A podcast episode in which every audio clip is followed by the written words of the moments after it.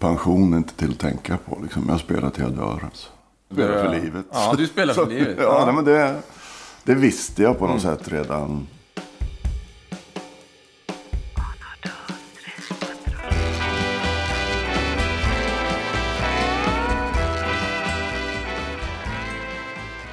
Då kör vi. Välkommen Nicke Ström. Tack, tack. Jag ska bara tugga ur här. Det här är podcast eh, Jag spelar för livet. Och eh, du är den nionde personen som jag har här i hälsa på. Mycket nära. Mm. Och du är den första basisten. Yeah, ännu större. Ja. eh, och jag brukar köra lite så här snabbfrågor så man kommer igång. Och sen så får du berätta så tar vi din story liksom.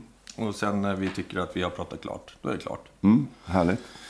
Så vi börjar. Eh, Namn, Nicke Ström, yrke, vad skulle du säga? Frilansande musiker. Frifarare i tillvaron. Jag har skrivit entreprenör också.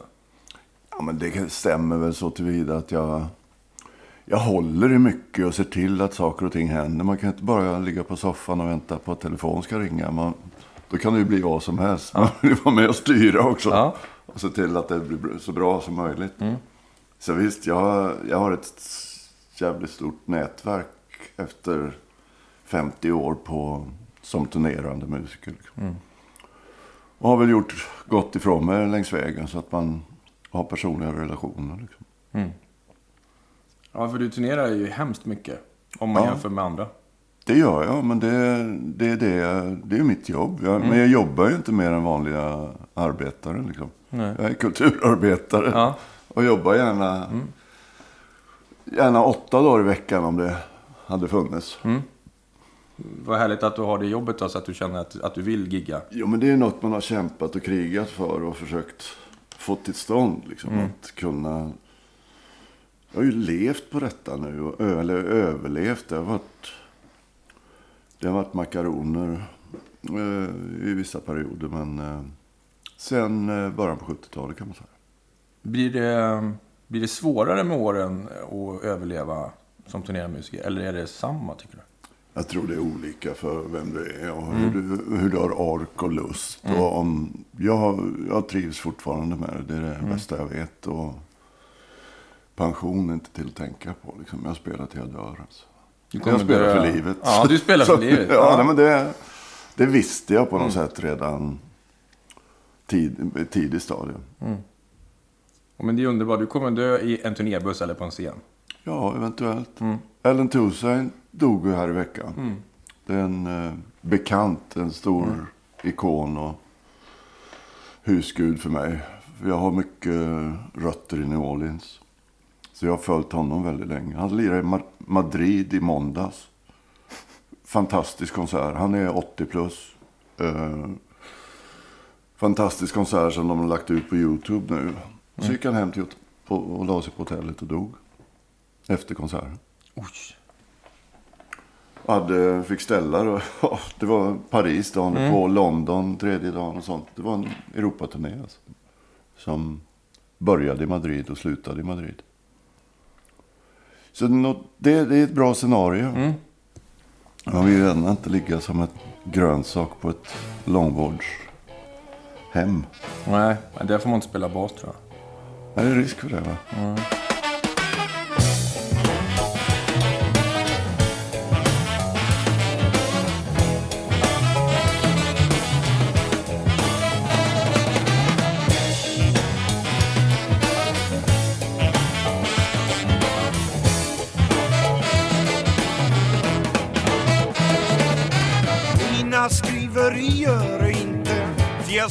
smicker Och inte fan vill jag skrämma tanter eller flickor. Nej, mina strofer är trupper som paraderar Och själv går jag framför fronten och inspekterar För full hals, för full hals, för full hals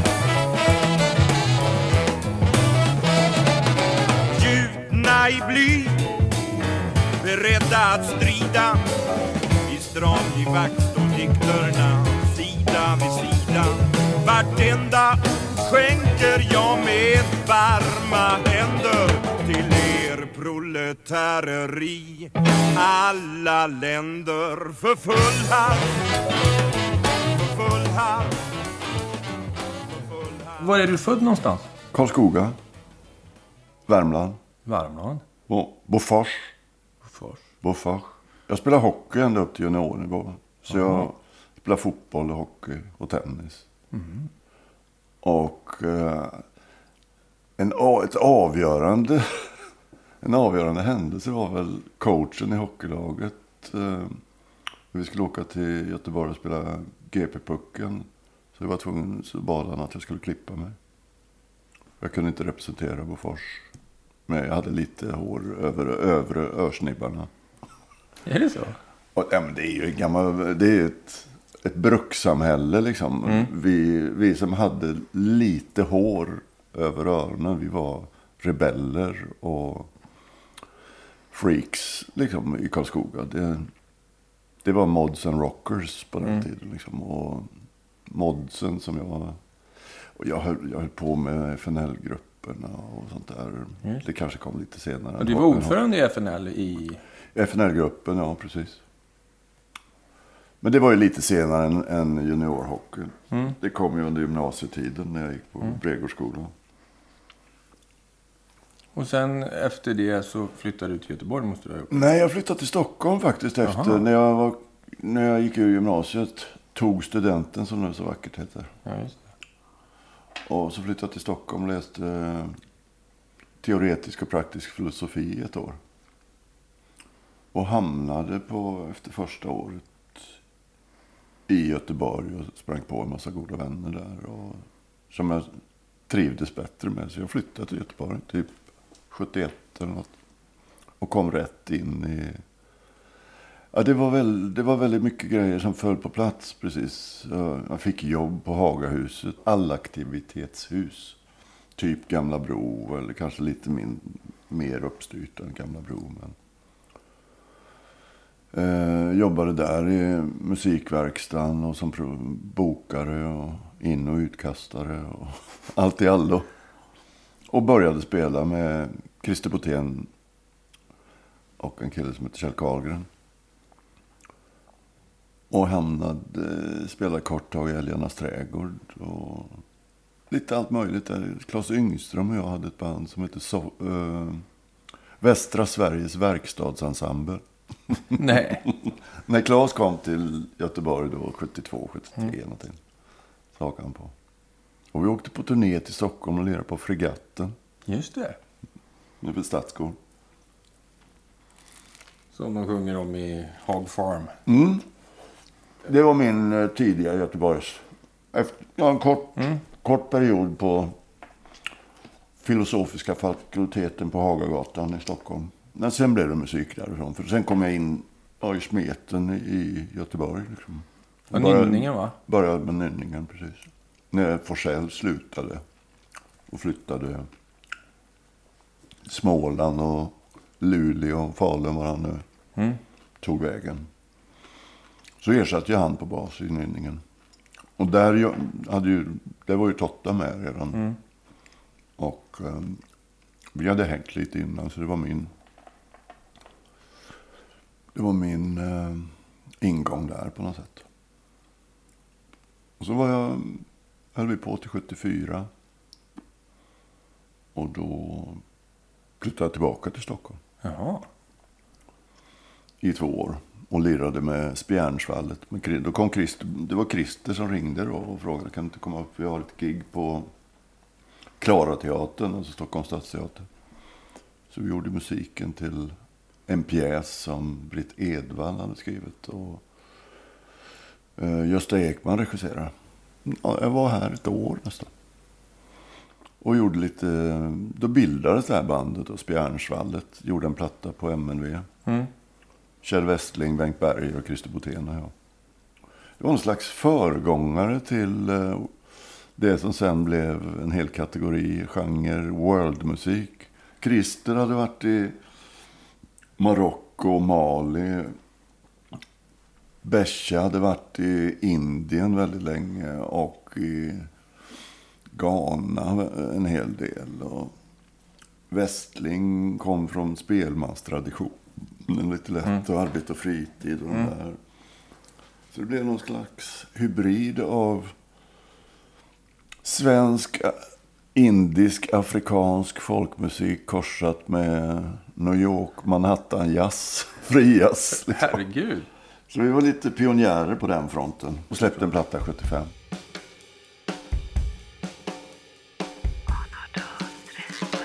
När kom du med i Nationalteatern? Var det sam... Det var ju med Tältprojektet. Alltså jag, jag jobbade ju med Nationalteatern. Nynningen och Nationalteatern gjorde nyårsrevyer i Göteborg. 73, 74 nyåret och 74, 75 gjorde vi någon slags ja, så här traditionsenlig lokal revy över vad som exposé över vad som hade hänt senaste året. Mm. Och gjorde scener och musik till mm. detta. Och, Eh, men sen flyttade jag hit som sagt. Och efter Spjärnsvallet och Stockholm så turnerade jag med Riksteatern ett halvår. Spelade Tolvskillingsoperan. Och sen hamnade jag ett halvår i Malmö på Stadsteatern där och spelade en rockopera. Till dess att Tältprojektet var...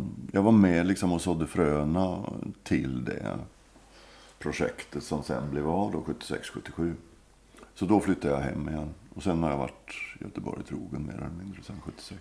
För det var, och, ja. och efter Tältprojektet blev jag kvar i Nationalteatern. Ja. För Tältprojektet Eh, för oss som var födda då så var, var, det väldigt stort. Jag var på det när jag var mm. liten.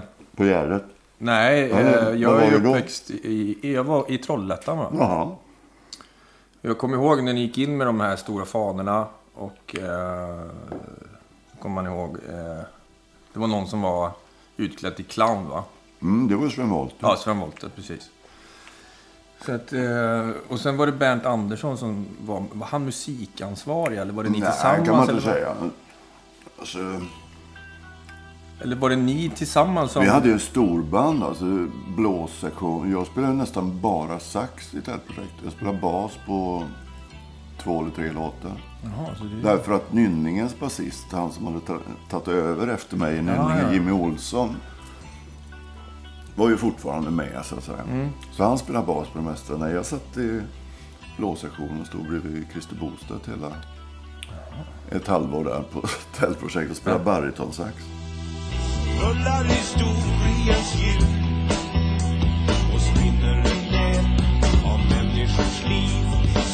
satt sig ögonblick fast och bränner en bild av förrunnen tid så bildas en gnistrande väv som berättar om klassernas kamp.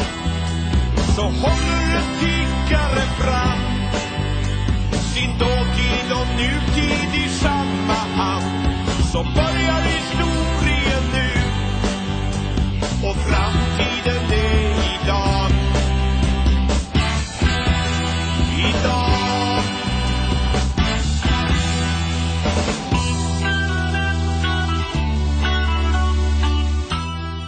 Jag visste inte om att du spelar saxofon. Ja, men det gjorde jag under den här studentperioden då i Haag. Eh, när, när, vi gick, när jag gick på filosofen mm. i Stockholm. Då var jag med i något som hette GL Unit. Som var Gunnar Lindqvist som var chef för EMIs eh, jazzavdelning då. Mm. Och han hade ett storband som hette GL Unit som spelade på runt omkring i Stockholm. Mm. Stockholms terrassen och olika ställen. Det var åtta trummisar, eh, sju basister, femton blåsare. Fri. Alltså det var typ... Det här är ju 69-70. Det var den mm. tidens Fire Orchestra kan man säga. Just det. Det var... Det, eller det är precis det det var. Mm. Det var allt ifrån Bernt Rosengren och Tommy Kåverhult och, och Kaj Temis, eh, Gunnar Röjan Nyberg, Sune Spångberg, Tomo Happala, Arvid Uggla, Gunnar Lindqvist själv då. Ja, stan, Stockholms alla moderna jazzare kom samman i ett eh, i något projekt som mm. slog till lite här och där och vid sidan om sina egna konstellation. Så att säga. Och jag hamnade där redan innan jag flyttade från Karlskoga. Liksom. Jag spelade ju pop och blues och twist och rock hemma i Karlskoga. Men eh, mot slutet där så hittade jag Coltrane och den friare jazzen liksom och började gräva i den. Och, och där öppnade, öppnade sig ett fönster eller en dörr på vid gavel. Och, så jag gav mig in i det och la basen på hyllan. Och fick en altsaxofon av en gammal dansbandsmusiker. Och eh, började tuta i den. Bara Så sådär eller? Ja, precis.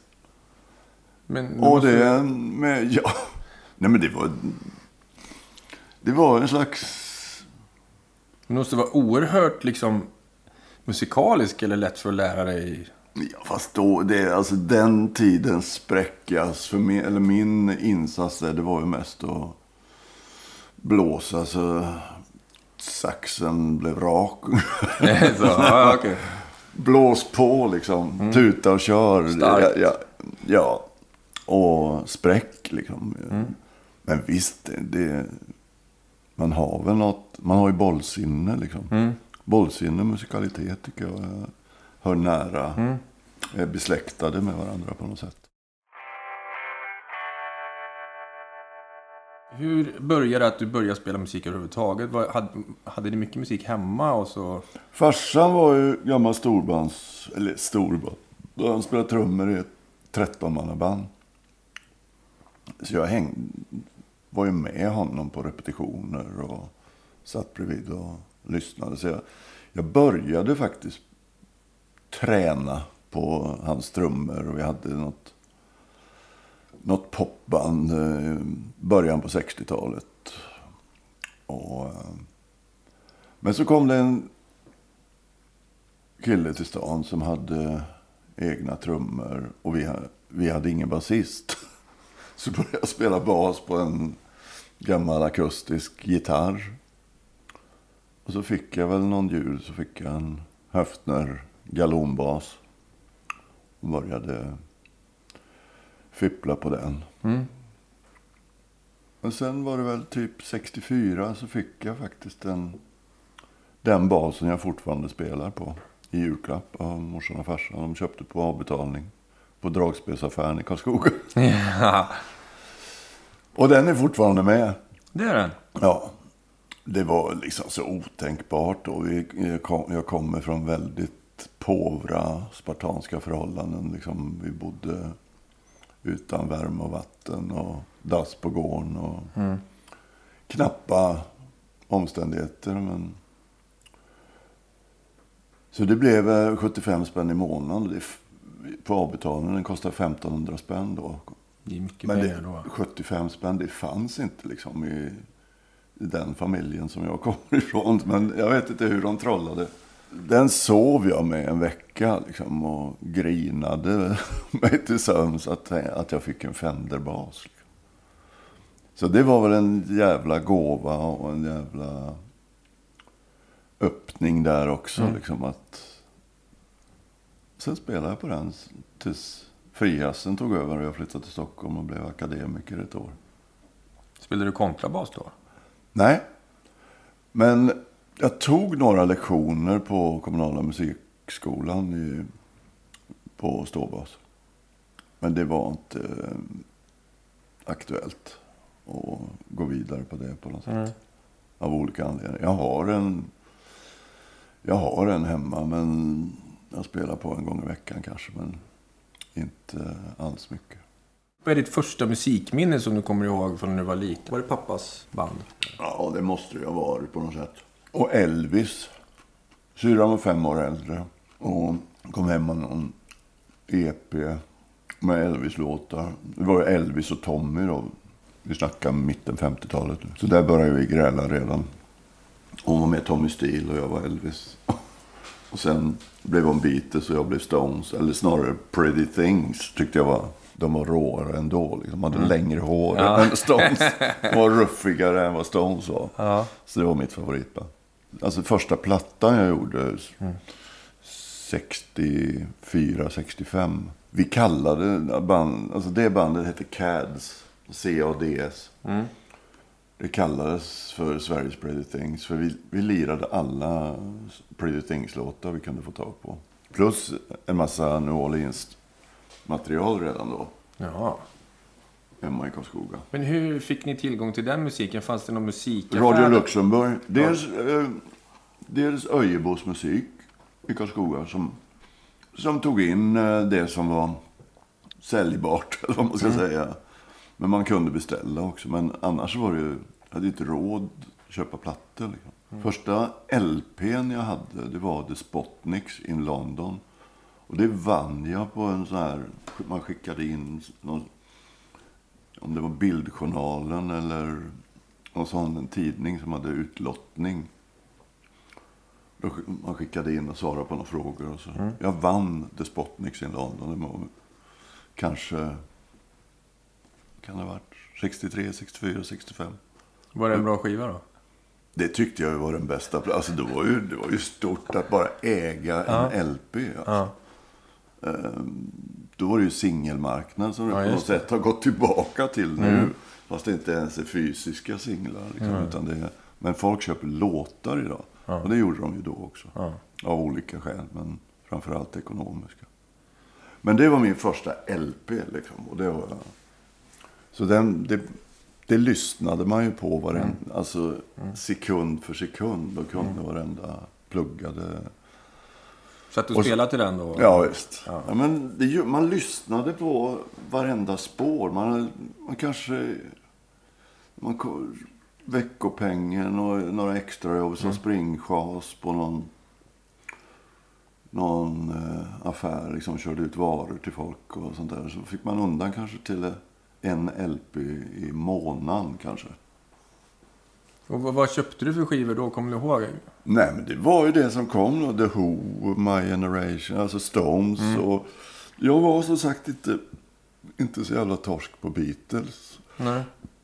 Det var det allra tidigaste Beatles kanske.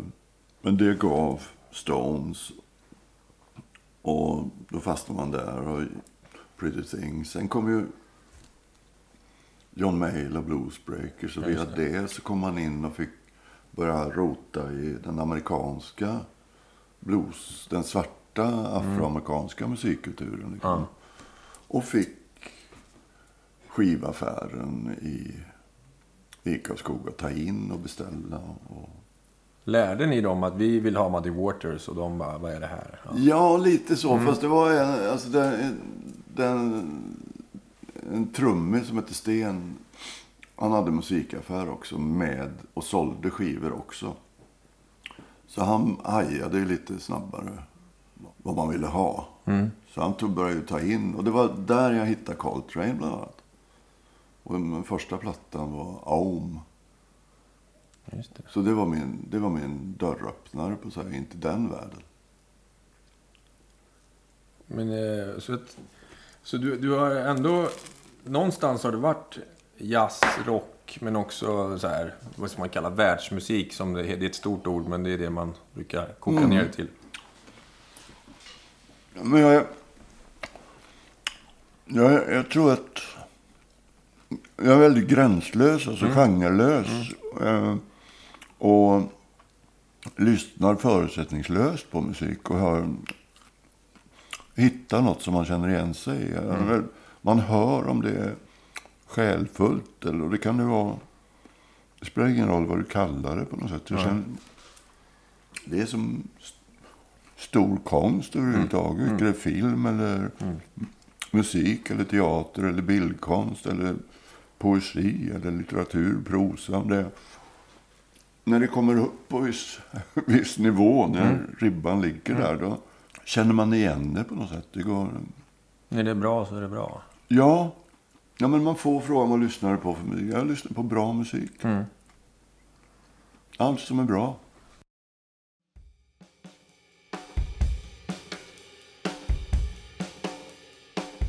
Kan du säga tre album som har format dig som människa? det, blir, det är svårt för jag, jag har liksom en, jag har min vi- vinylsamling. Jag har aldrig packat ner den eller ställt upp den på vinden eller i källaren som många gjorde när CDn kom. Den har jag haft igång ända sedan mitten på 60-talet. Och där finns det ju 4000 plattor. Liksom. Det är så. Och eh, jag köper fortfarande ny musik. Ja. Men, men avgörande, det måste ju... Jag, kan, jag, jag, jag har svårt att komma förbi Mayers Bluesbreakers uh, med Clapton. Den, den öppnade jävligt mycket alltså. Eh, och ledde in till originalen liksom. Och gjorde en nyfiken på det. Coltrane Ohm-plattan. Eftersom den, det är den jag skaffade den innan, innan jag gjorde mig fri själv från bruksandan i Karlskoga. Liksom. Och sen, ja, Dr. Johns Grigri. Den är nog också jävligt viktig för mig. Alltså. Ja. Den sprang jag på nästan när den kom 68, 69 eller något i Göteborg hos goda vänner. Och med allt vad man höll på med då så förstod man alltihopa. Allting föll på plats. Och, och man såg både det ena och andra. Och möjligheter och... eh, men allt hänger ihop på något sätt. Det hänger ihop. Men eh, om, ja, om jag måste välja tre så är det nog Bluesbreakers-plattan, Coltrane och Dr. John. Det är inga dåliga plattor. Sen kommer Beefheart vet och Nat Coleman. Och... Ja, det, det är jävligt svårt att välja. Ja, men jag tänker så här tidigt i... Mm. Eh, sen kan det ju komma skivor ja, om två veckor som kanske, Mm. Ja, kanske Nej, men en. de, Liksom. de här tre som jag då råkade välja nu, Mm. som jag kan stå för, det, det är ju tidlösa klassiker liksom, som, som folk faktiskt idag upptäcker. Mm. Och det håller. Liksom. Vad fan är det här? Ja, säger folk Ja. när man spelar Ja. Dr. John Ja. från 69. Ja. Liksom. Och tappar hakan och tycker att det, det var ju liksom pionjär. Och, ja, det var mäktig musik redan då. Och är det fortfarande. Ja. ja. Men det är så mycket musik från den tiden som... Jag vet inte om det kanske är musiker som bara snöar in på det eller om... Men just från 67 till 76, 77 eller någonstans. Det hände mycket där. Det var Ja. mycket merging där. Alltså det mergade. Det var, Ja. det var inte, vi ska inte kalla det för fusion för då blandar vi ihop det. För Ja. det kom senare. Ja.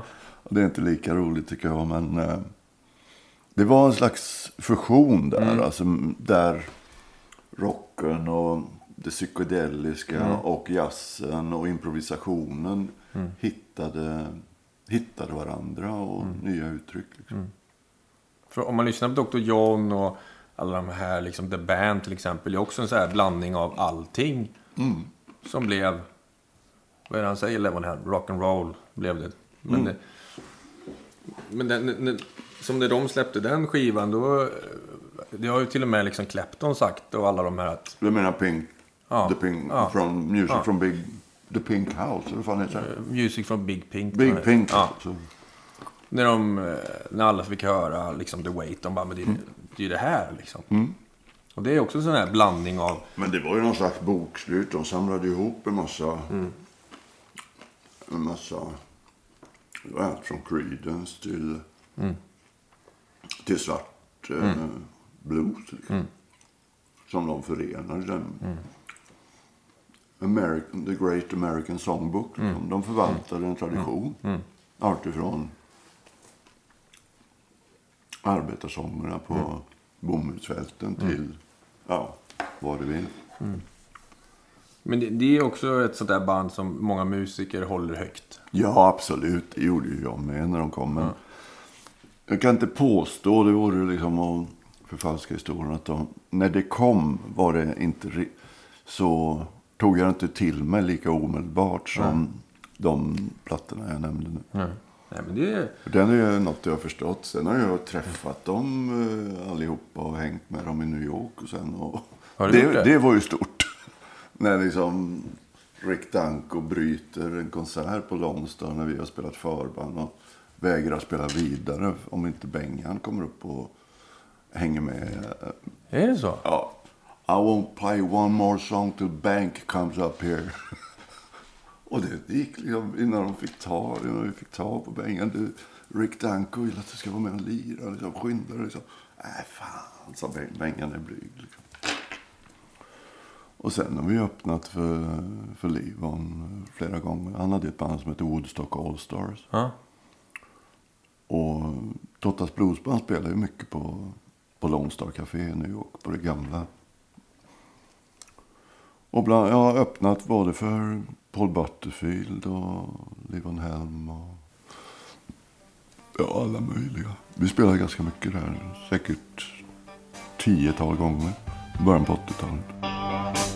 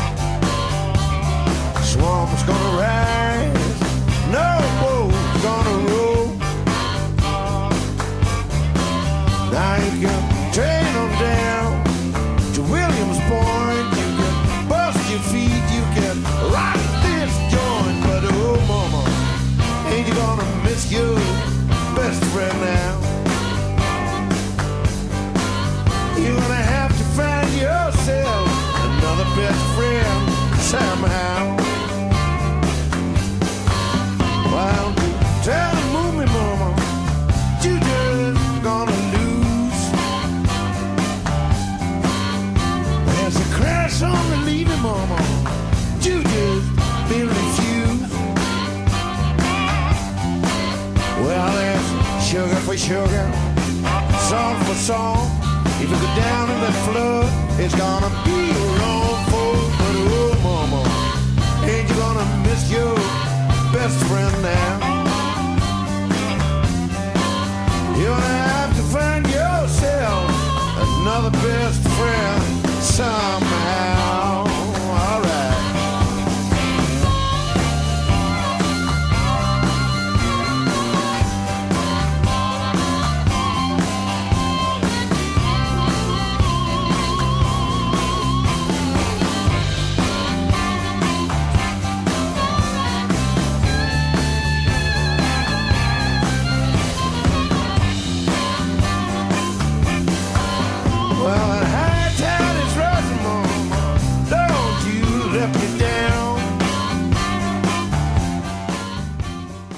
Hur togs det emot där, när ni kom?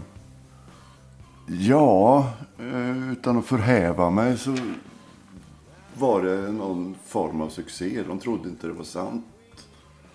Eh, De trodde att det var någon slags gimmick att vi påstod att vi kom från Sverige. Liksom. Ja. Ja, men då hade ju vi spelat den traditionen och tagit den till oss och förvaltat. Vi hade gjort några plattor själva. Alltså, där vi tog väldigt mycket av den gamla musiken men gjorde det på något eget och personligt sätt. Och Tottas sång och hans uttryck. Det är ju ingen som kommer undan det på något sätt. va, utan Var det här Tottas Bluesband? Ja, vi turnerade ju väldigt mycket mellan 80 och 85 i USA. Vi åkte två turnéer om året. Alltså månadslånga turnéer. På amerikanska västkust, eller östkusten. Från Key West i söder upp till eh, Boston och i norr. Liksom. Och spela one-nighters. Vi spelade minst tre gånger 60 minuter varje kväll. Ofta fyra gånger 60 minuter. Det var liksom... Det var bruksmusik där. Och one-nighters. Liksom. Man spelade, spelade en, en kväll eller natt. Och sen åkte man vidare och fortsatte och gjorde samma, Eh, Hade ni så mycket materi- eget material eller fick ni blanda upp med... Alltså, Tottas Bluesband gjorde ju inte ett, ett original, en, en enda originallåt. Vi tog gamla... Det var mycket jag som forskade och letade och botaniserade både min och andras skivsamlingar. Och så gjorde jag kassetter till Totta. Sådana C90-kassetter med, jag vet inte hur många låtar det går in. Så valde han ut kanske på en C90-tejp så valde han ut tre låtar. Det här kan jag tänka mig sjunga. Och så gick man in och, och tog till sig det och gjorde något eget av det. Vi plankade, vi, vi plankade ju aldrig liksom. Nej. Att, jag menar coverband, då, där, där ska du spela så nära originalet som möjligt för att folk ska känna igen det. Men vi... Eh, alltså när vi lirade de här låtarna då lät det ju nästan som originallåtar. För vi arrade om det, instrumenterade om det. Ja, vi gjorde det på vårt eget sätt på något sätt. Så att folk kanske inte undrar var fan kommer det här ifrån. Ja. För att, eh, det, om jag skulle säga några skivor som har format mig så är den här röda Totta Blues Band... Eh, den heter, den heter, Saturday Night Boogie Woogie Man. ja, Mm. Ja, det är ju bara, det är bara gamla bitar som, som vi hittade och gjorde Mm, så här, egna Bad Bad Whiskey och alla de här. Ja. Det var där jag fick för Det var där jag hörde Bernt spela munspel. Mm. Och då var jag så här, jag ska börja spela munspel. Det var, så att eh, vi spelade tillsammans på någon turné någon gång. Och så, jag, då, då visste inte jag vem han var, men vi hade pratat en stund i, Ja. i lobbyn efter gigget. Och Okej. så här, för jag hittade han liksom. Så, ja. Du vet, det är stort. Ja. Men just den skivan, den välte ju liksom. den, Spelmässigt och bra låtar. Och, mm. Där ligger väl Ain't Your Business och, Mm. och just den titellåten. Så mm. Men det, det är ju gamla låtar som vi har hittat. Slim Harp och Jimmy Liggins, Bucka White. Alltså vi, vi, vi gick ju inte på, på de allra mest kända då. Howl- Alltså, vi gjorde mycket Howlin' Wolf. Och, Mm. Men kanske vi spelade, spelade inte in så mycket Muddy Waters och Sonny Boy. Nej. Och, och alltså de allra mest välkända bluesartisterna. Liksom. Utan vi gick väl lite mer på djupet kanske. Och, och letade. ja. För när vi var, den här skivan, vi trodde ju att det var ni som hade gjort låtarna. Ja, ja. Sådär. Ja, men det är inga jämförelser i övrigt, men det var ju så Beatles började också när de lirade på Star Club i Hamburg. Liksom, När de gick sin Ja. skola. Ja. De, då spelade de ju mycket svart musik Ja. som de hade hämtat alltifrån Little Richard och, och Stones likaså. Mm. Men de gör ju I'm a King Bee, det är en Slim Mm. Harpo-låt. Och alla, Deras första låt var det. Come On med Chuck Berry. Ja, visst. Exakt. Så, eh, Så det var inga jämförelser i övrigt. Mm. Men det var lite, och vi gjorde lite som dem kan man säga. Eller jag gjorde samma resa. du känner Stones va? Du, du har spelat med några? Ja, ja, vi turnerade med Ronnie Wood och Tottas Bluesband. Mm. Hur, hur för- kom det? Ja, det var en god...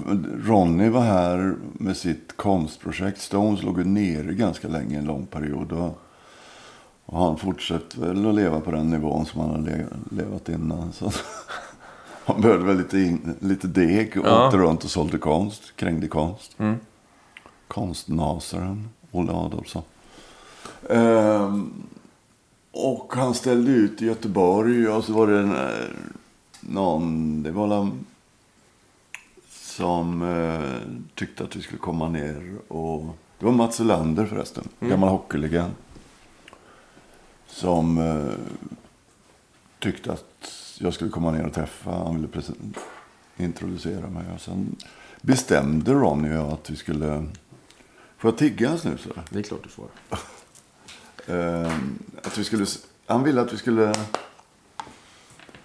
Kan vi inte sätta ihop ett band och jamma lite ikväll? Ja. Är det sant? Ja. Och ja, så jag ringde ihop eh, i stort sett gamla bluesbandet. Bengan och Bernt och Gunnar Pettersson. Och, ni kan väl gå upp och lira lite och så kommer jag när jag, om jag tycker det passar. Så vi gick upp och han var uppe efter halva första låten. Och så lirade vi fan tre, fyra timmar där på natten. Och sen, det var första mötet. Och sen innan vi skiljs åt så nej, vi måste åka på turné med det här. Ja, ja visst, tänker jag. Full och glad. Mm. Gamäng, han var ju supertrevlig och jävligt. Men han kanske var bakfull nästa dag och hade glömt bort det tänkte jag. Så att, ja men håll du sköt du det så ser jag till att vi, eh, vi är standby. Så ringde han efter en månad. Ja, bokade en tre veckors turné i Sverige, Norge, Danmark. Så det var bara att samla ihop det och så åkte vi och spelade. Ja, det var en 18 gig eller något. Och sen dess har vi hållit kontakten. Det här är ju alltså 86, 87, 88 någonstans. Och sen varje gång de har kommit hit så, så hörde Ronny av sig. Och jag har varit medbjuden och åkt med dem flera veckor. Ja, en mm. vecka åt gången sådär. Och, och bjöd ner Totta och mig till Amsterdam någon gång. På när de spelade. Då spelade de i Rotterdam men bodde i Amsterdam. Mm. Så vi har hängt lite, men det är mest Ronny och Keith då. Mm. Det är liksom två läger på något sätt. Det är Mick Jagger-hovet och Keith Richards-hovet. Och, det... och där ingår Ronny då? Ja, precis. Mm. För att eh, jag hörde en, en story från den turnén med Ronny Wood ni gjorde i Sverige. Att innan han skulle gå upp på scen så ville han ha en eh, lina eh, som skulle ligga standby innan han steg på. Mm. Och, och, då går storyn att eh, ni kunde inte alltid fixa det pulvret som han ville ha. Utan ni bara tog något vitt pulver. Ja, det var, var Ronny som sa det. Om ni inte hittar något. Om ni inte hittar riktig, riktiga grejer så hacka upp vad fan som helst. Det var bara liksom ritualen som ja. skulle göras precis ja. innan. Han skulle ha en whiff, alltså mm. In, mm. precis innan han gick på. Men eh, det var då det. Nu är han ju ren och fin och snygg. Mm. Och eh, sen ett bra tag tillbaka. Mm. Men ändå rätt kul att det så här, spelar inte roll om det är Dextrosol eller... Nej, det var det några gånger kan ja. jag säga. Men han var lika glad ändå? ja, ja. Ja, men du ser. Det är, det är ju mycket bättre än att dra koks kanske. Det är billigare om ett annat. Ja, absolut. Eh. Men vad är det de kallar sockerpiller? Mm. Placebo. Sitter placeboeffekten. Ja. Sen gjorde ni några svängar med ett bluesband. Det var ungefär samma musiker fast det hette Varmare än korv. Stämmer det? Ja, Varmare än korv var ju... Det uppstod i Strömstad. Eller faktiskt på ett ställe som kallas för Dojan, Gyllene hästskon i Göteborg. Mm. Som var engelsk pub, eller man ska säga, som hade musik sju dagar i veckan. Och ehm, där lirade jag en hel del med olika konstellationer. Och vi satte ihop något tillfälligt. Det var också lite före Spjärnsvallet. var före på World-scenen. Vi, mm. var, vi var nog fan med först på Unplugged i Sverige. Uh, det här Varmare kör, det var mm. alltså Bengan, Totta och jag och Mats Ronander. Och vi hade ingen trummis. Och framhärdar i detta och, och lirar liksom på en annan... Ja, det blir, det blir en annan förhållningssätt, med en annan mm. attityd. Mm. Och det där ex, exporterade vi upp till ett, en sommarkrog i Strömstad, på Stadshotellet i Strömstad och gjorde... Ja,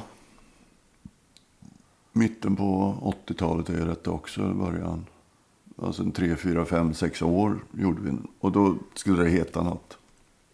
Det var då som Stevie Wonder hade släppt en platta som heter Hotter than July. Ja, just det. Och Bengan har en förmåga att kläcka ur sig en del fyndigheter. Hotter than July, det låter ju fan som varmare än korv. Bing. Där har vi bandnamnet, sa jag. Så där, blev det, där myntades bandnamnet Varmare än korv. Och det, det spelade vi i Strömstad ja, säkert fem, sex, sju år. Sommartid. Mm. Och hade liksom jä- turnerande...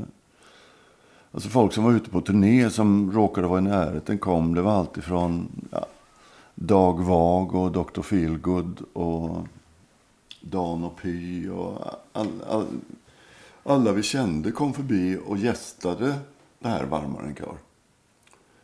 Som också sen gick och blev sånt där jävla... Vad kallas det nu då? Jag har tapp- tappat det. Sån här gästbandssyndromet som Husbands tog upp sen. Vad, vad fan var det, vad kallades det? Det fanns ett begrepp. Jag vet inte. Nej men det, det var liksom husband. husband Ett tänker jag. husband, ja. Husband och så, Ja. ko- så turnerade artisterna bara.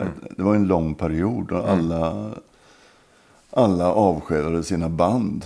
För att det fanns lokala husband på, i hela, över hela Sverige. De kom Så- med en låtlista och bara... Ja, plugga in det här så kommer vi och sjunger liksom. Och cashade in liksom. För det gick för inte jättelänge sedan så gick... Eh, SVT gjorde någon inspelning därifrån någon kväll.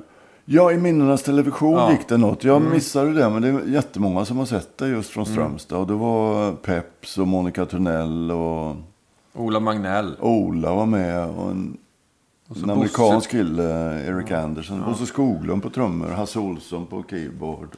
Och Jesper Lindberg på Jesper pedal. Lindberg, Erik Häusler, Bernt Andersson, Totta och jag. Just det. Tove Ness var med och sjöng. Just det. Eh, Marianne Nlemvo som var tillsammans med Bosse på Just det. den tiden. Som sen blev, sjöng med Bollon Bata och Bollon X. Och, ehm, ja, det var en herrans massa gäster under dessa år Mm. som kom och hälsade på. Och det tog vi ju faktiskt ner till Key West och spelade en månad varje vinter i ett par, tre år. På Sloppy Joes. Just det kon- konceptet. Och det, har, det gjordes också en dokumentär om. Det, det är varmare än korv i Key West. Heter det. Nej. Och det var Sanne Samuelsson och Mats Ronander. Och, och ja, det var alla möjliga där också. Tove och det var. Men var det du som styrde det då? Så att det blev av? Ja, jag har hållit i mycket sådana projekt. Eller jag, jag har en viss talang för det där. Och styra upp, organisera, administrera och nätverka. Och ta vara på kontakter och, och göra något utav det. Liksom. Var det svårt att ringa ner till Keyboard? Hej, vi har ett svenskt band här. Ja, det var det ju på den tiden. Ja. Det var ju inte mobiltelefoner och datorer liksom. Så att anledningen till att vi kom in på och fick liksom tre eller fyra veckors gästspel. Vi lirade alltså fem dagar i veckan eller fyra eller fem dagar i veckan på Sloppy Joes på bästa tiden. Det var Tottas bluesband då tid, tidigt 80 var nere och gjorde en one-nighter på Sloppy Joes. Och hon som bokade det gigget som jag hade sparat telefonnumret och ringde. Så har jag råd, jag måste skynda mig nu för det kostade ju liksom. Vad kostade det? 10 kronor i minuten att ringa till USA på den tiden. Så ringer jag för jag, nu kommer nu vill vi komma med detta, det är ett skitbra band. Och så här. Nej, det är inte intressant. Så, men, ja, men vi har ju varit där och det gick jättebra. Så här. Vi kom fram till i alla fall ett samtal hur länge det blev. Jag såg kronorna ticka iväg. Var det du som somnade på scenen mitt i en låt, säger hon. Ja, jag spelar bas och hade tydligen somnat mitt i en låt. För då lirade vi liksom dygnet runt. Eller det var rock'n'roll 24 hours. Och jag hade lyckats somna. Så det hade, jag, det hade gjort intryck på henne. Ja, men då kommer jag ihåg vilka ni var. Ni var skitbra, det är klart ni ska komma. Nej. Så så fick vi det gigget. Och sen var det... Sen körde de... Då, då hade vi stort tv-team och, och för att finansiera det där så sålde... Jag tror det var Pelle Unger som var chef på Café Opera då. Han sålde innan vi åkte dit. Fick loss pengar från en hamburgerkedja som heter Klock. Och från en juicefirma som jag inte kommer ihåg vad den heter. Jag tror inte det var Festis, men de degade upp ett par hundratusen eller något. Så att vi skulle få med oss utrustning. Och, och, så det, det dokumenterades från, vi åkte från eh, Sverige till allt möjligt där nere. Och så. Var Jo, finns det materialet då? det, jag tror det gick på TV4. Jaha. Sålde de det till. Och jag vet inte hur de, de har väl ingen, jag vet, jag vet inte hur de dokumenterar och arkiverar sitt. Men jag har det ju på någon jävla CD eller DVD eller vad det heter. Liggande någonstans. Men det är fantastiskt att ändå ringa. Hej, det var jag som somnade liksom. Och de bara, ja kom en månad, vi kör. Ja. Och det blev ju en jättesuccé. Den, den dokumentären går fortfarande på storbildsfilm på Sloppy Joe's i Key West. Var det någon som berättade. Alltså, de blev så imponerade av filmen så de kör den på sin... När det alltså, changeovers mellan band och sånt där. Är en, ett vykort. Mm. Snabbt, eh, snabbt MTV-klippteknik som det var modernt på den tiden. Liksom. Ja, för att när jag var på Sloppy Joe så måste de haft någon så här eh, trubadurvecka. För det var mest folk som satt och spelade James Taylor. Ja, men det är ju dagtid. De har ju 12 till 4 i en slott. Och sen 17 till 21. Och sen är det 22 till 02. Alltså det är, tre, det är sju dagar i veckan. Det är tre stycken eh, tre eller fyra timmars, fyra timmars pass. Och dagtid då är det liksom turistvänligare. En ensam pianist eller en ensam gitarrist. Eller, Ja. och så trappas det upp. Så att eh, sista akten för kvällen är alltid mer ja, rockigare. Och, Så om man har sista slotten då kör man eh, då kör man från eh, 10 till, till 2. fyra sättare liksom. Ja. Eller där var det nog 3 gånger 60 Och så... Om folk var kvar, alltså man gick av och hade lirat. Där var det, alltså, det, det är lite så här löpande bandet eh, när man spelar på den nivån som det ändå är klubbnivå i USA. Då, de där tajmar de oss. Liksom. Det kunde hända att vi gick av och trodde man var klar liksom, och satt i logen. Då kommer värden för kvällen och säger men ni, ni är skyldiga 10 minuter från andra sätt. Ni lirar bara 50 minuter där. Så gå upp och spela, spela till. 10 minuter. Så gick man av. Så kom man, om då publiken var kvar och det var, det var de ofta. Så, så kom in och då fick man betalt, extra betalt för det. Då degade han 100 dollar en kvart. Gå upp och spela en kvart till. Så det, det, det är liksom lite andra, andra premisser och betingelser där. Det, och det var, inget, det var inte förhandlingsbart. Nej, Nej. vi är så trötta. Är det, är pengarna, gå upp och spela. Liksom. Det, var, det var en order. Får man dricks där när man giggar av publiken eller? Nej. Det, jo, det, det hände nog faktiskt att folk slängde pengar. Det gjorde det. Och det gjorde det på ett ställe som man gick till och spela efter Green Parrot. När man Okej, var efter klar giget? Ja.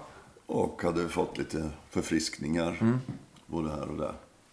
Och då gick man ofta och spelade vidare. Och där spelade man på dörren då. Liksom. Och då, då satte de sedlar i pannan om det var tillräckligt svett. Och, och det satt kvar så fick man behålla dem. För att det, det, det finns en annan story som är... När ni var ute med det här, och då var ni inte i Key West, vet du, ni, ni var någonstans, så spelade ni på en svart bluesklubb. Den här storyn... Men fan vad du har hört mycket. Ja, men jag spelade med Mats Ronander för några år sedan och då fick man ju alla de här storiesarna. Okej. Och eh, storyn går, eh, du, du kommer få dra den själv, men i alla fall, ni kommer fram till ett ställe där det bara är svarta människor och det är en bluesklubb. Och, Det var i Charleston, South Carolina. Ja. Jag, jag vet vilken du menar. ja, och eh, Totte är på dåligt humör. Ja, han var lite trött på... Alltså, vi hade spelat väldigt mycket och, och han skämdes lite över att vi fick... Folk blev väldigt imponerade av våra låtar och trodde liksom att... Ja, som vi pratade om förut, att, att det var vi, att det var våra låtar och sådär. De kände inte till dem. Vad är det här för låt? Liksom? Och så har man spelat 300 pounds of joy med, från Howling Wolf. Liksom. Och tyckte, ja. Så han blev lite less och han sa väl mellan... Ja, vad fan sa han nu exakt? Alltså, ja, det... He, Hey, vi är... Hi, we're Totas Blues Band from Sweden and we're, going, we're here to play some blues for you and we're gonna throw your own culture right back at you. Och höll någon föreläsning om att de inte uppskattade sina svarta artister och inte vet, visste var de kom ifrån. Liksom. Och han var lite less på det. Det var ju... Ja, han var väl inte riktigt nykter. Inte riktigt klok. Så, så var, det, det, det var lite laddad stämning där. Men när vi klev av, istället för att ta på springskorna och dra så blev vi hyllade och bjöd, bjudna på allt vi ville ha i baren. Och det var varit väldigt uppskattat. Men Men det var lite stryk. kritiskt. Ja, vi kunde lika gärna ha fått stryk. Det, för han var inte snäll och inte nådig. Liksom. Han, han var ganska tyken. För Mats sa det att eh, alla i bandet började kolla sig var exit. eh, Ja, liksom exakt. sådär. Jo, men så var det. det var, man var lite på, på hugget där kanske. Vad fan, hur, var, vart kommer detta att ta vägen? Nej, men det var ett ställe, du vet, det var 400, 400 mörkhyade människor. Och Och ingen kände till musiken. Nja, det var väl det. Det var en samlat. Han fick väl ett spel ja, ja. från eh, 30 dagar på vägen. Liksom. Ja, då kan man bli trött på mycket.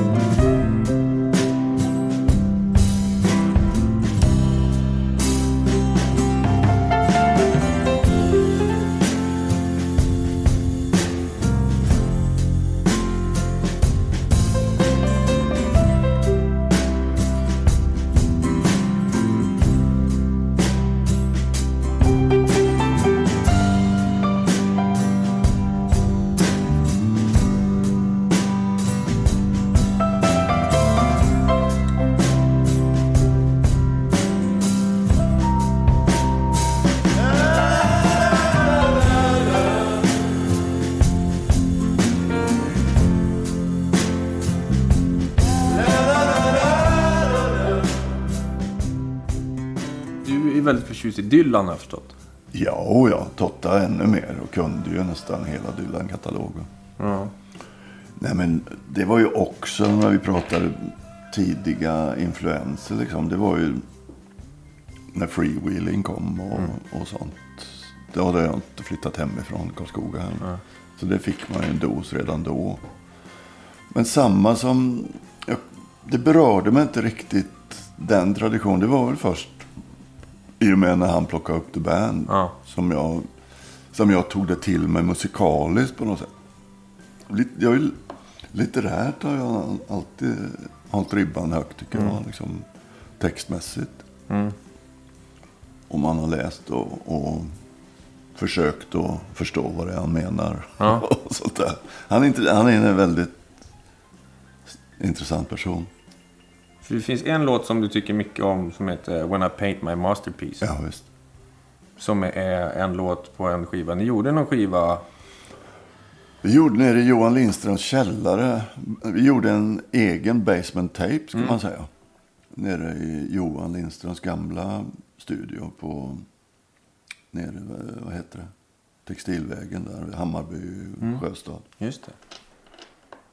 Och där vi låste in oss i källaren i tre dygn. Och Totta bläddrade i Dylan, stora Dylan-boken, Bibeln. Och helt orepat och lät bandspelarna gå.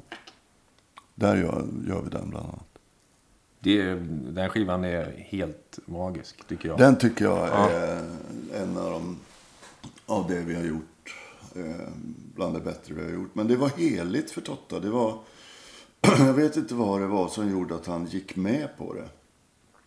För jag försökte alltid när, när bluesband, alltså när vi lirade live med bluesbandet.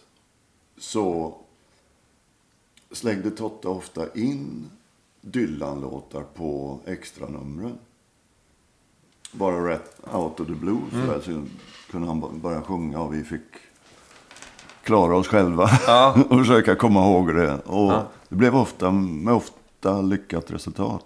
Så när, alltid när vi skulle in i studion försökte jag få med någon Dylan. Mm. Sådär, för, jag, ja, för att få lite en annan perspektiv. Mm. Liksom inte bara traditionella bluesen. Så, men nej, det gick, nej, absolut inte. Det ska inte göras några covers på Dylan. Och, så det var, det var heligt för honom. Han var, det var hans husgud. Liksom. Hans, hans guru nummer ett.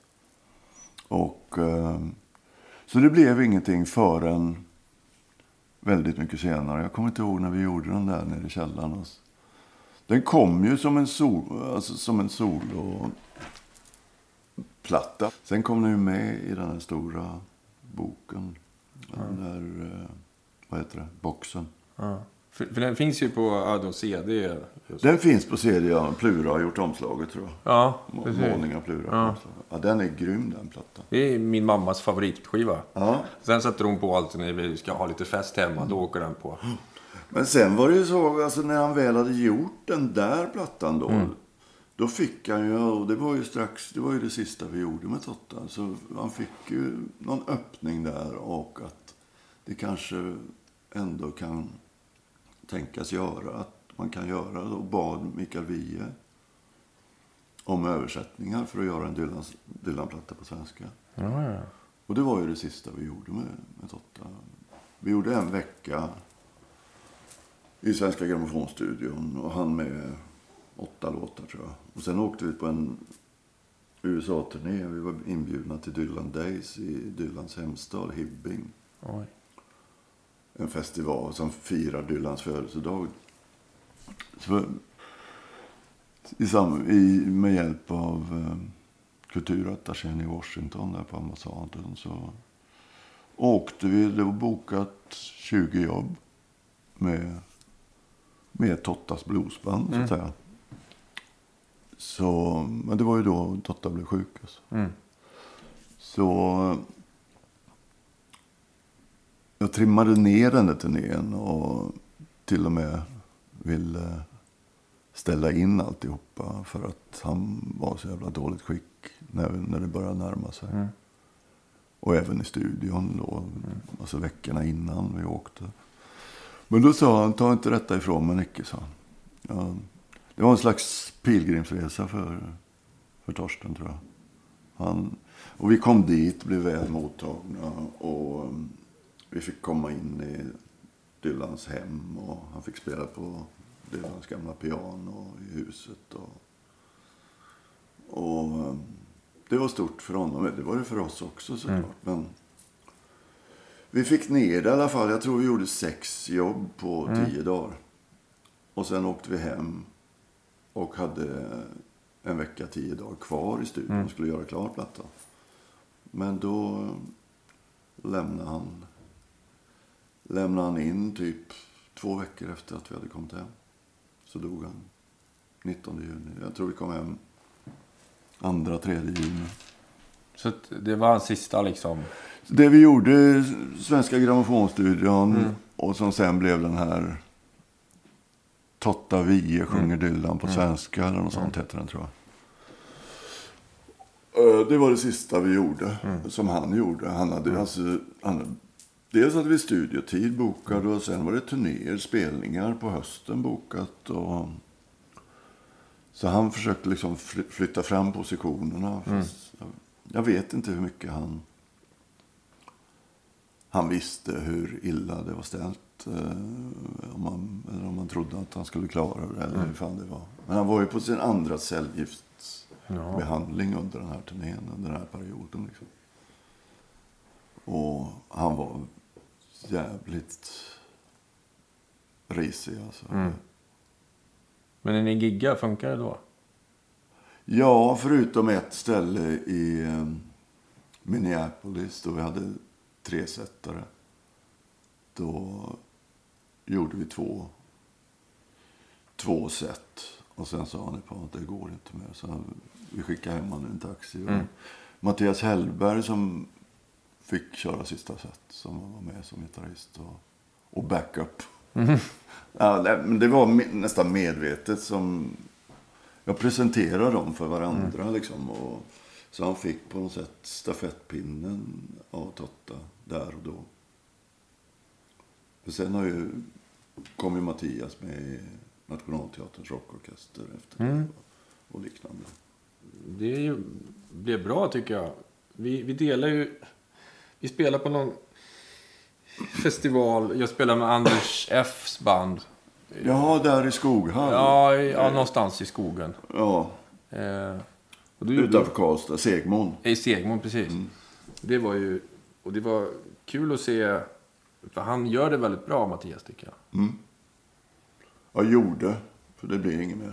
Det blir inget mer. Nej, det är nedlagt. Ja, okej. Rockorkestern är nedlagd. För gott, eller? för gott. Ja, det är så. Ja, absolut. Det är 40 år, det får räcka. Ja, det får räcka. Hade ni någon här sista spelning, tack för kaffet? eh?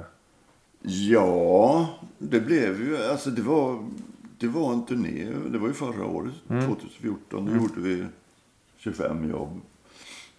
10-12 på våren. Mm. Februari. Och så gjorde vi 10-12 på sommaren. Slutade i augusti. Så det var... Eh, tack för kaffet i Mm. Stenungsund.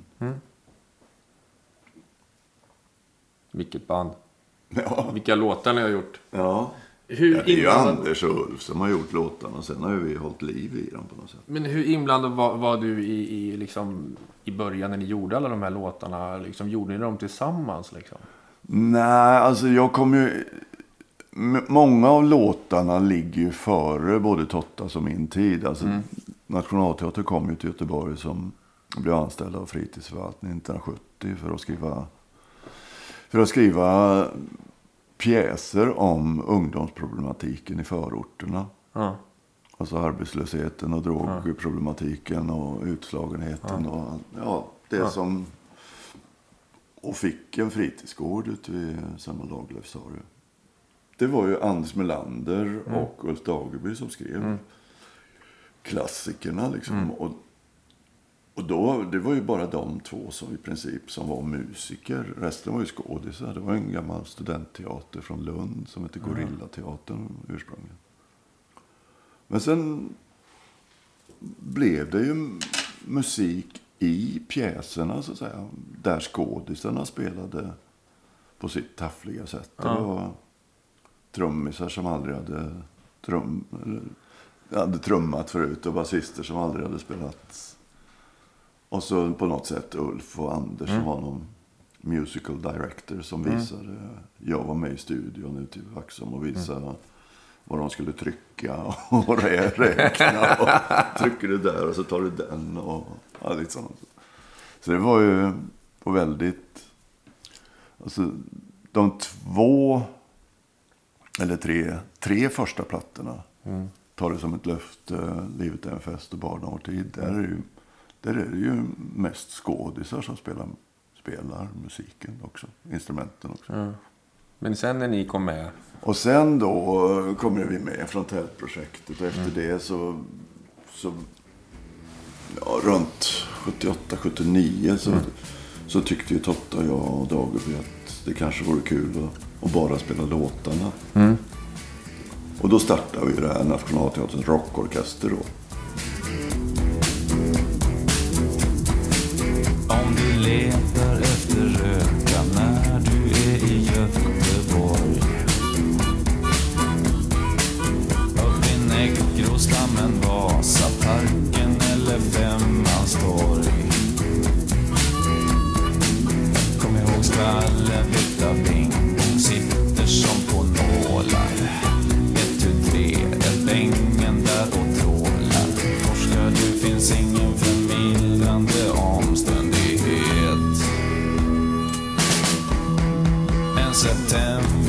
Eftermiddag lägger man sig i allén. Om man tänder liten braja, gottar sig i solens sken. Men du vet skvallen flyttar pingpong, slickar alla skålar. Ett, tu, tre, är bängen där och trålar. Torskar du finns ingen familj Men eh, då, en fråga här. Finns det någon bra högermusik så att säga? För all bra musik kommer ju nästan från andra hållet. Mm. Jag vet inte om jag... Jag har inte forskat i det där. Eh, jag är inte så bekant med det. Jag har väl inte lyssnat på det örat. Ehm. Det finns ju några hemska snedsteg. Jag vet att Wille Crawford åkte med Moderaternas valturné. Känner Ville lite grann. Eh, Inte alls. eh, Vi är inte kompisar på något sätt. Men jag kan inte påstå att han representerar någon högerkultur för mig. Nej. Men han hade... De hade ju... Vad heter det?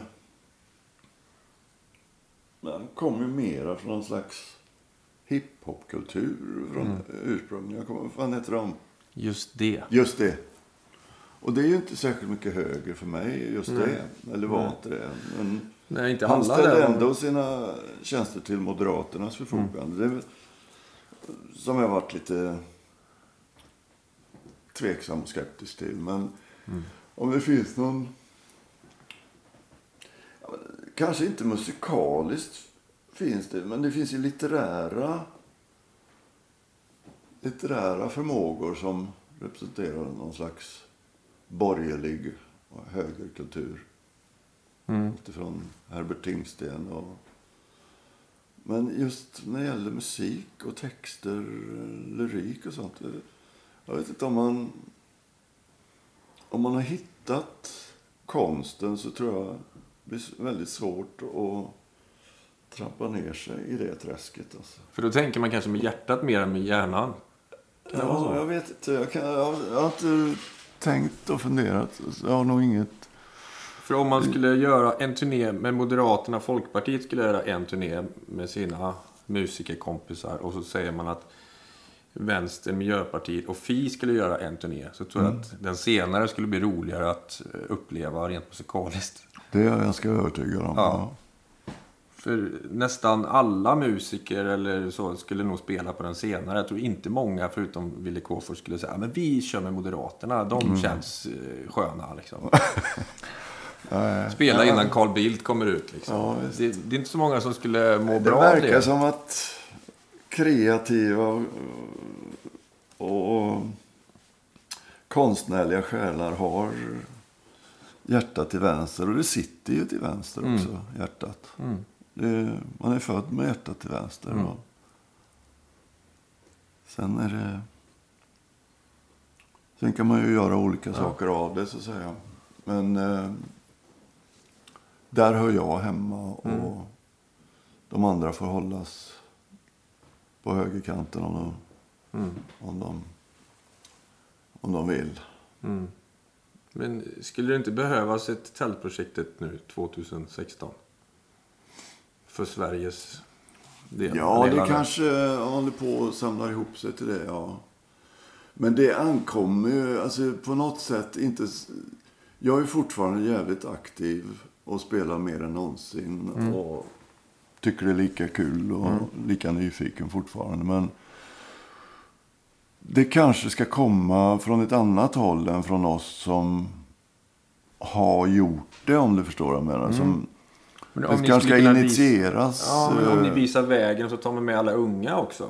ja. För det är, samhället är ju inte bara unga eller gamla. Det är Men det är inte så många av oss gamla dinosaurier som är med. Så det, det är väl...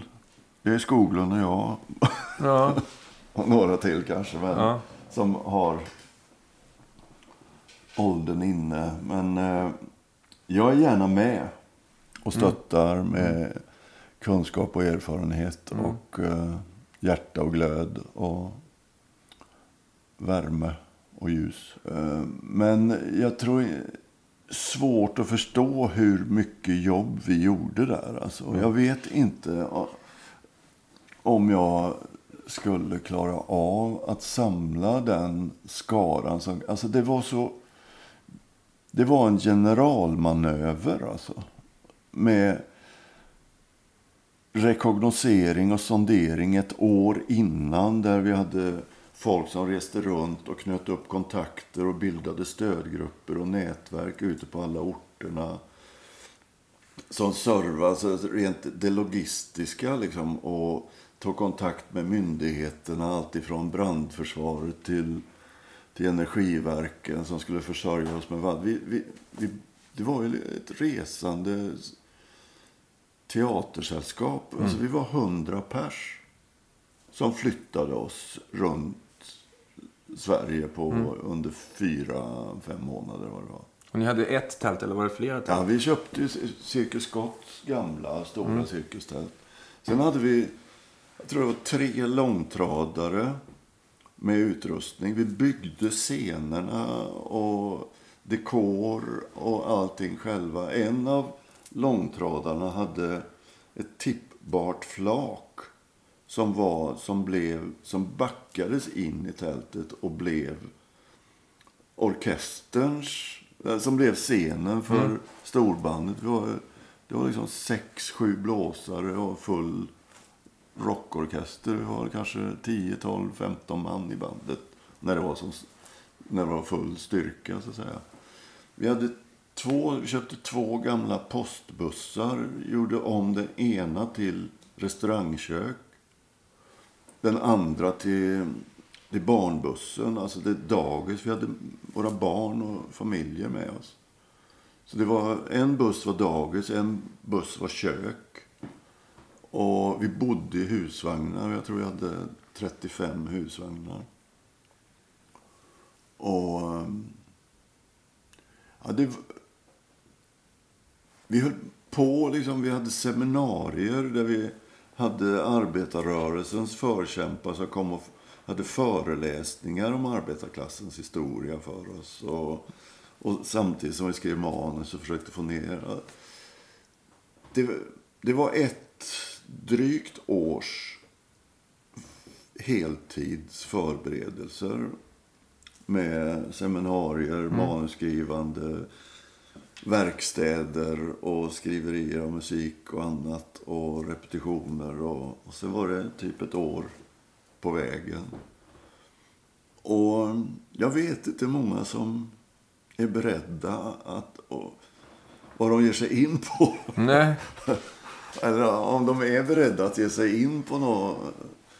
Det, jag vet inte vad det är som skulle kunna samla ja, det var ju en otrolig manifestation. Alltså. Mm. Som inte skådat dess like. Det var, det var någon slags bokslut på den alternativa musikrörelsen på något sätt. Och samarbete över grupp. Det var ju... Mm. Det var Narren, Oktober, Nationalteatern, Nynningen, Tidningsteatern. Och så en massa frifarare som Sven Wollter och Barbro Oborg. Allan Edwall var med i ett tidigt skede men fick förhinder. Han skulle också ha varit med. Och... Det var... Ja, det var stort. Mm. Det är helt fantastiskt att fått ynnesten att vara med om detta. Men det, det var slitigt alltså. Man, ibland jobbar man 36 timmar i sträck. Resa från en skyttegrav i Flandern. Och från en krav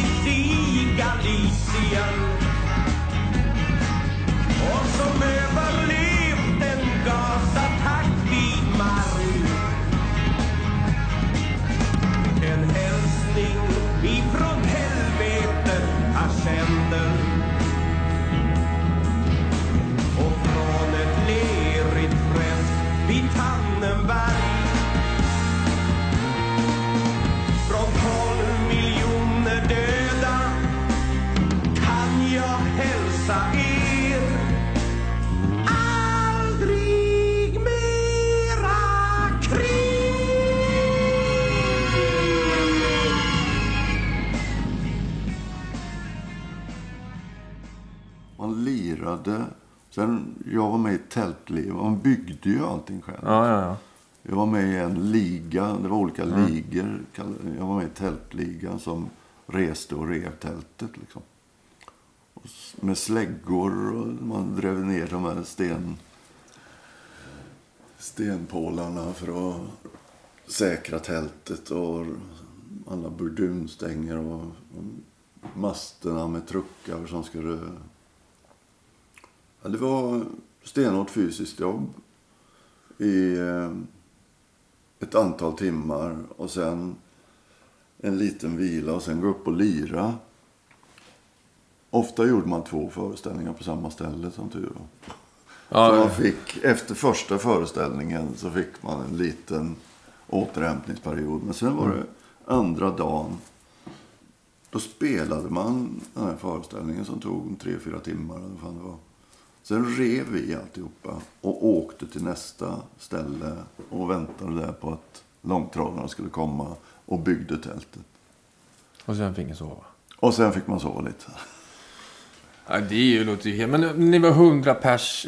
Ja, alltså på scenen var vi väl 60, men med familjer och fruar och barn och sånt så var det väl cirka 100 som snurrade runt. Men det var inga så här... Ni hade inte 20 stycken roddare eller humpare? Vi hade stödgrupper på varje Ja. ställe då, Ja. som jag sa, som sålde biljetter och gick brandvakt och gjorde förberedelserna för, Mm. ja, bokade upp tältplatserna Mm. och hade de, skötte de kontakt. Ja, herregud. Men så det var ju funktionärer på varje ort också så att säga.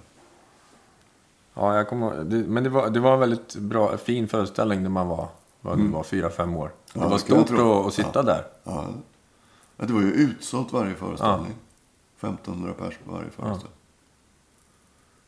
Och, eh, för den rörelsen som fanns då, eller, då var ju folk mer, jag vet inte om de var mer politiskt aktiva ännu, men det kändes som det.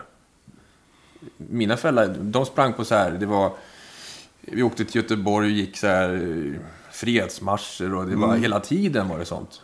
Ja, det var, Sånt, det var andra tider. Det var en annan strömning i tiden. Det fanns en, annan, det fanns en samling. Även om det fanns mycket motsättningar då också. Som det, alltså mellan olika politiska fraktioner. Med R-arna och S-arna i Stockholm. Och trotskisterna. Och det var ju alltså interna motsättningar också. Men vi lyckas... Så Nationalteatern har ju alltid varit en ganska brokig skara eh, politiskt. Alltså Mm. alltifrån socialdemokrater till anarkister. ja. Och lyckas stå över de här teoretiska, ideologiska motsättningarna för att göra, göra det, de pjäser och den musik som är gjorda. De är ganska befriande, befriade från partibokstillhörighet på något sätt.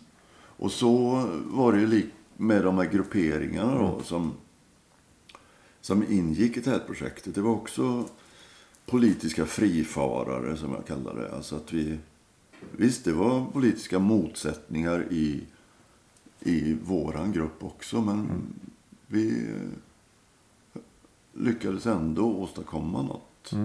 Ett starkt, en, en stark manifestation. Men för övrigt då i, i, i det stora hela så fanns det ju en annan medvetenhet och politiskt intresse som jag kanske saknar men ändå på något sätt börjar spåra igen. Eh, känna lukten av. eh, både från hiphopkulturen speciellt och i viss mån i eh, andra sammanhang också. Men det kanske är dags som sagt. ja, för det känns som att snart är det inte partifärg, snart är det humanism liksom som är... Och eh, mot SD, de krafterna liksom. Mm. Att alla som inte är de måste kanske säga, men nu får vi gå ihop och Ja. styr, försöka styra upp det här. Ja. Och liksom. Så om eh, skulle det bli något mer så kanske någon med sig folkpartist att följa med och sälja biljetter i alla fall. Ja, om det tjänar det goda syftet. Ja. Så, även om jag tror vi klarar oss, klarar oss utan. Nutid, nu håller du på med, med ett band som du börjar nästan din karriär. Ja, det är en slags Ja. cirkeln är sluten. Ja. Ja, ja det, det kan man ju inte säga. Men eftersom jag började spela på, i början på 60-talet. Mm. Och det här, det här bandet då, Spjärnsvallet som Christer Botén och Bengt Berger och jag. Och Kjelle Westling, salig och min eh, startade. Och, och nu har med David Stackenäs. Det, är det var ju 74, 75, mitten på 70-talet så att säga. Och nu ska, det, ska vi köra lite på det igen och se vart det bär. Och det blir en slags... Christer och jag har hittat, hittat varandra igen och det känns jätteskönt.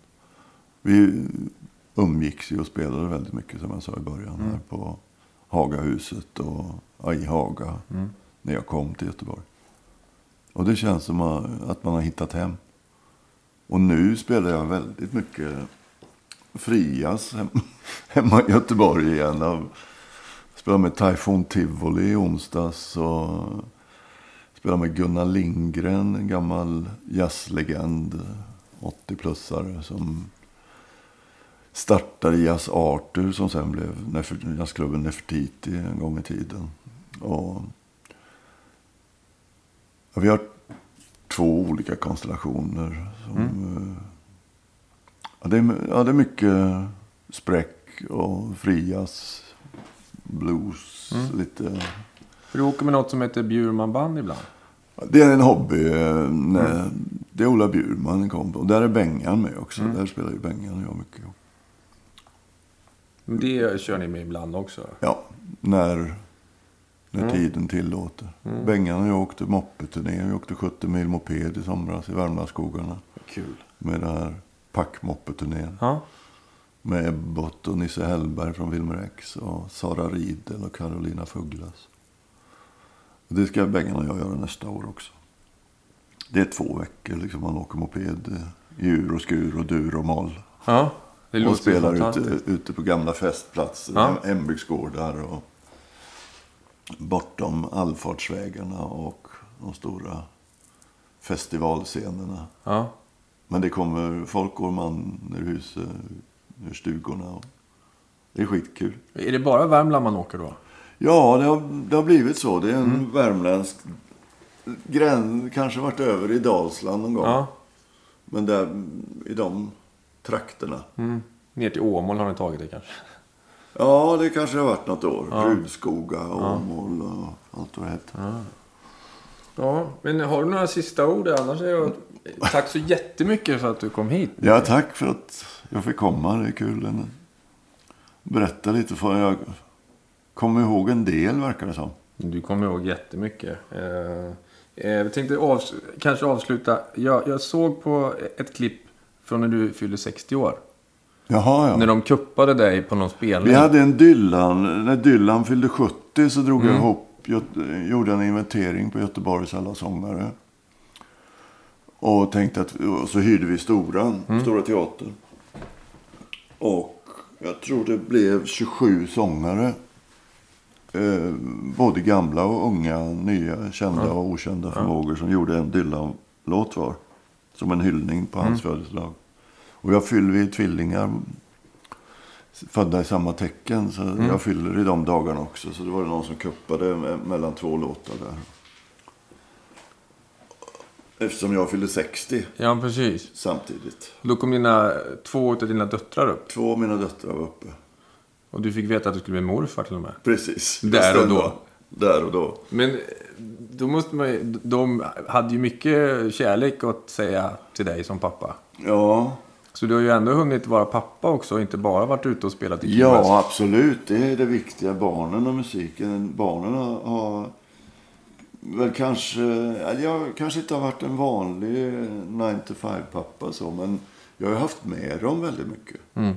Så på vår Tottas Bluesband när vi turnerade i USA så tog jag med, med barnen och eh, hade med barnflicka. Lyckas få med någon som kunde passa dem när jag stod på scen. Och Så de har ju, de har ju resan, resan i blodet också på något sätt. Och sovit bakom baslådor. Och Sanna, kommer jag ihåg, hon kunde inte somna. Om, om, om det var tyst så kunde hon inte somna.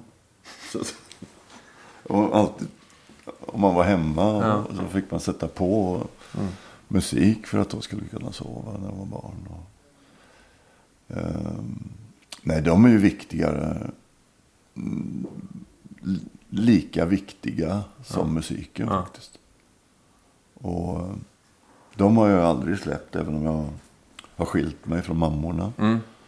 Så, men nu är de stora och flygfärdiga. Och, och på flygfärdig så tar Siri tar helikoptercertifikat nästa vecka. Eller, ja. Så nu kan du Så- åka på helikopterturné istället. ja, hon håller på att utbilda sig till helikopterpilot. Kan du ringa henne när du är så här Ja, trött? så här, komma och hämta Hon kom och pappa. hälsade på i sommarhuset i somras. Ringde från Säve så att sätt på potatisen nu farmor så kommer vi upp och käkar lunch. Och med helikopter. landade i, i trädgården. Nej. Precis utanför stugknuten. Jo då.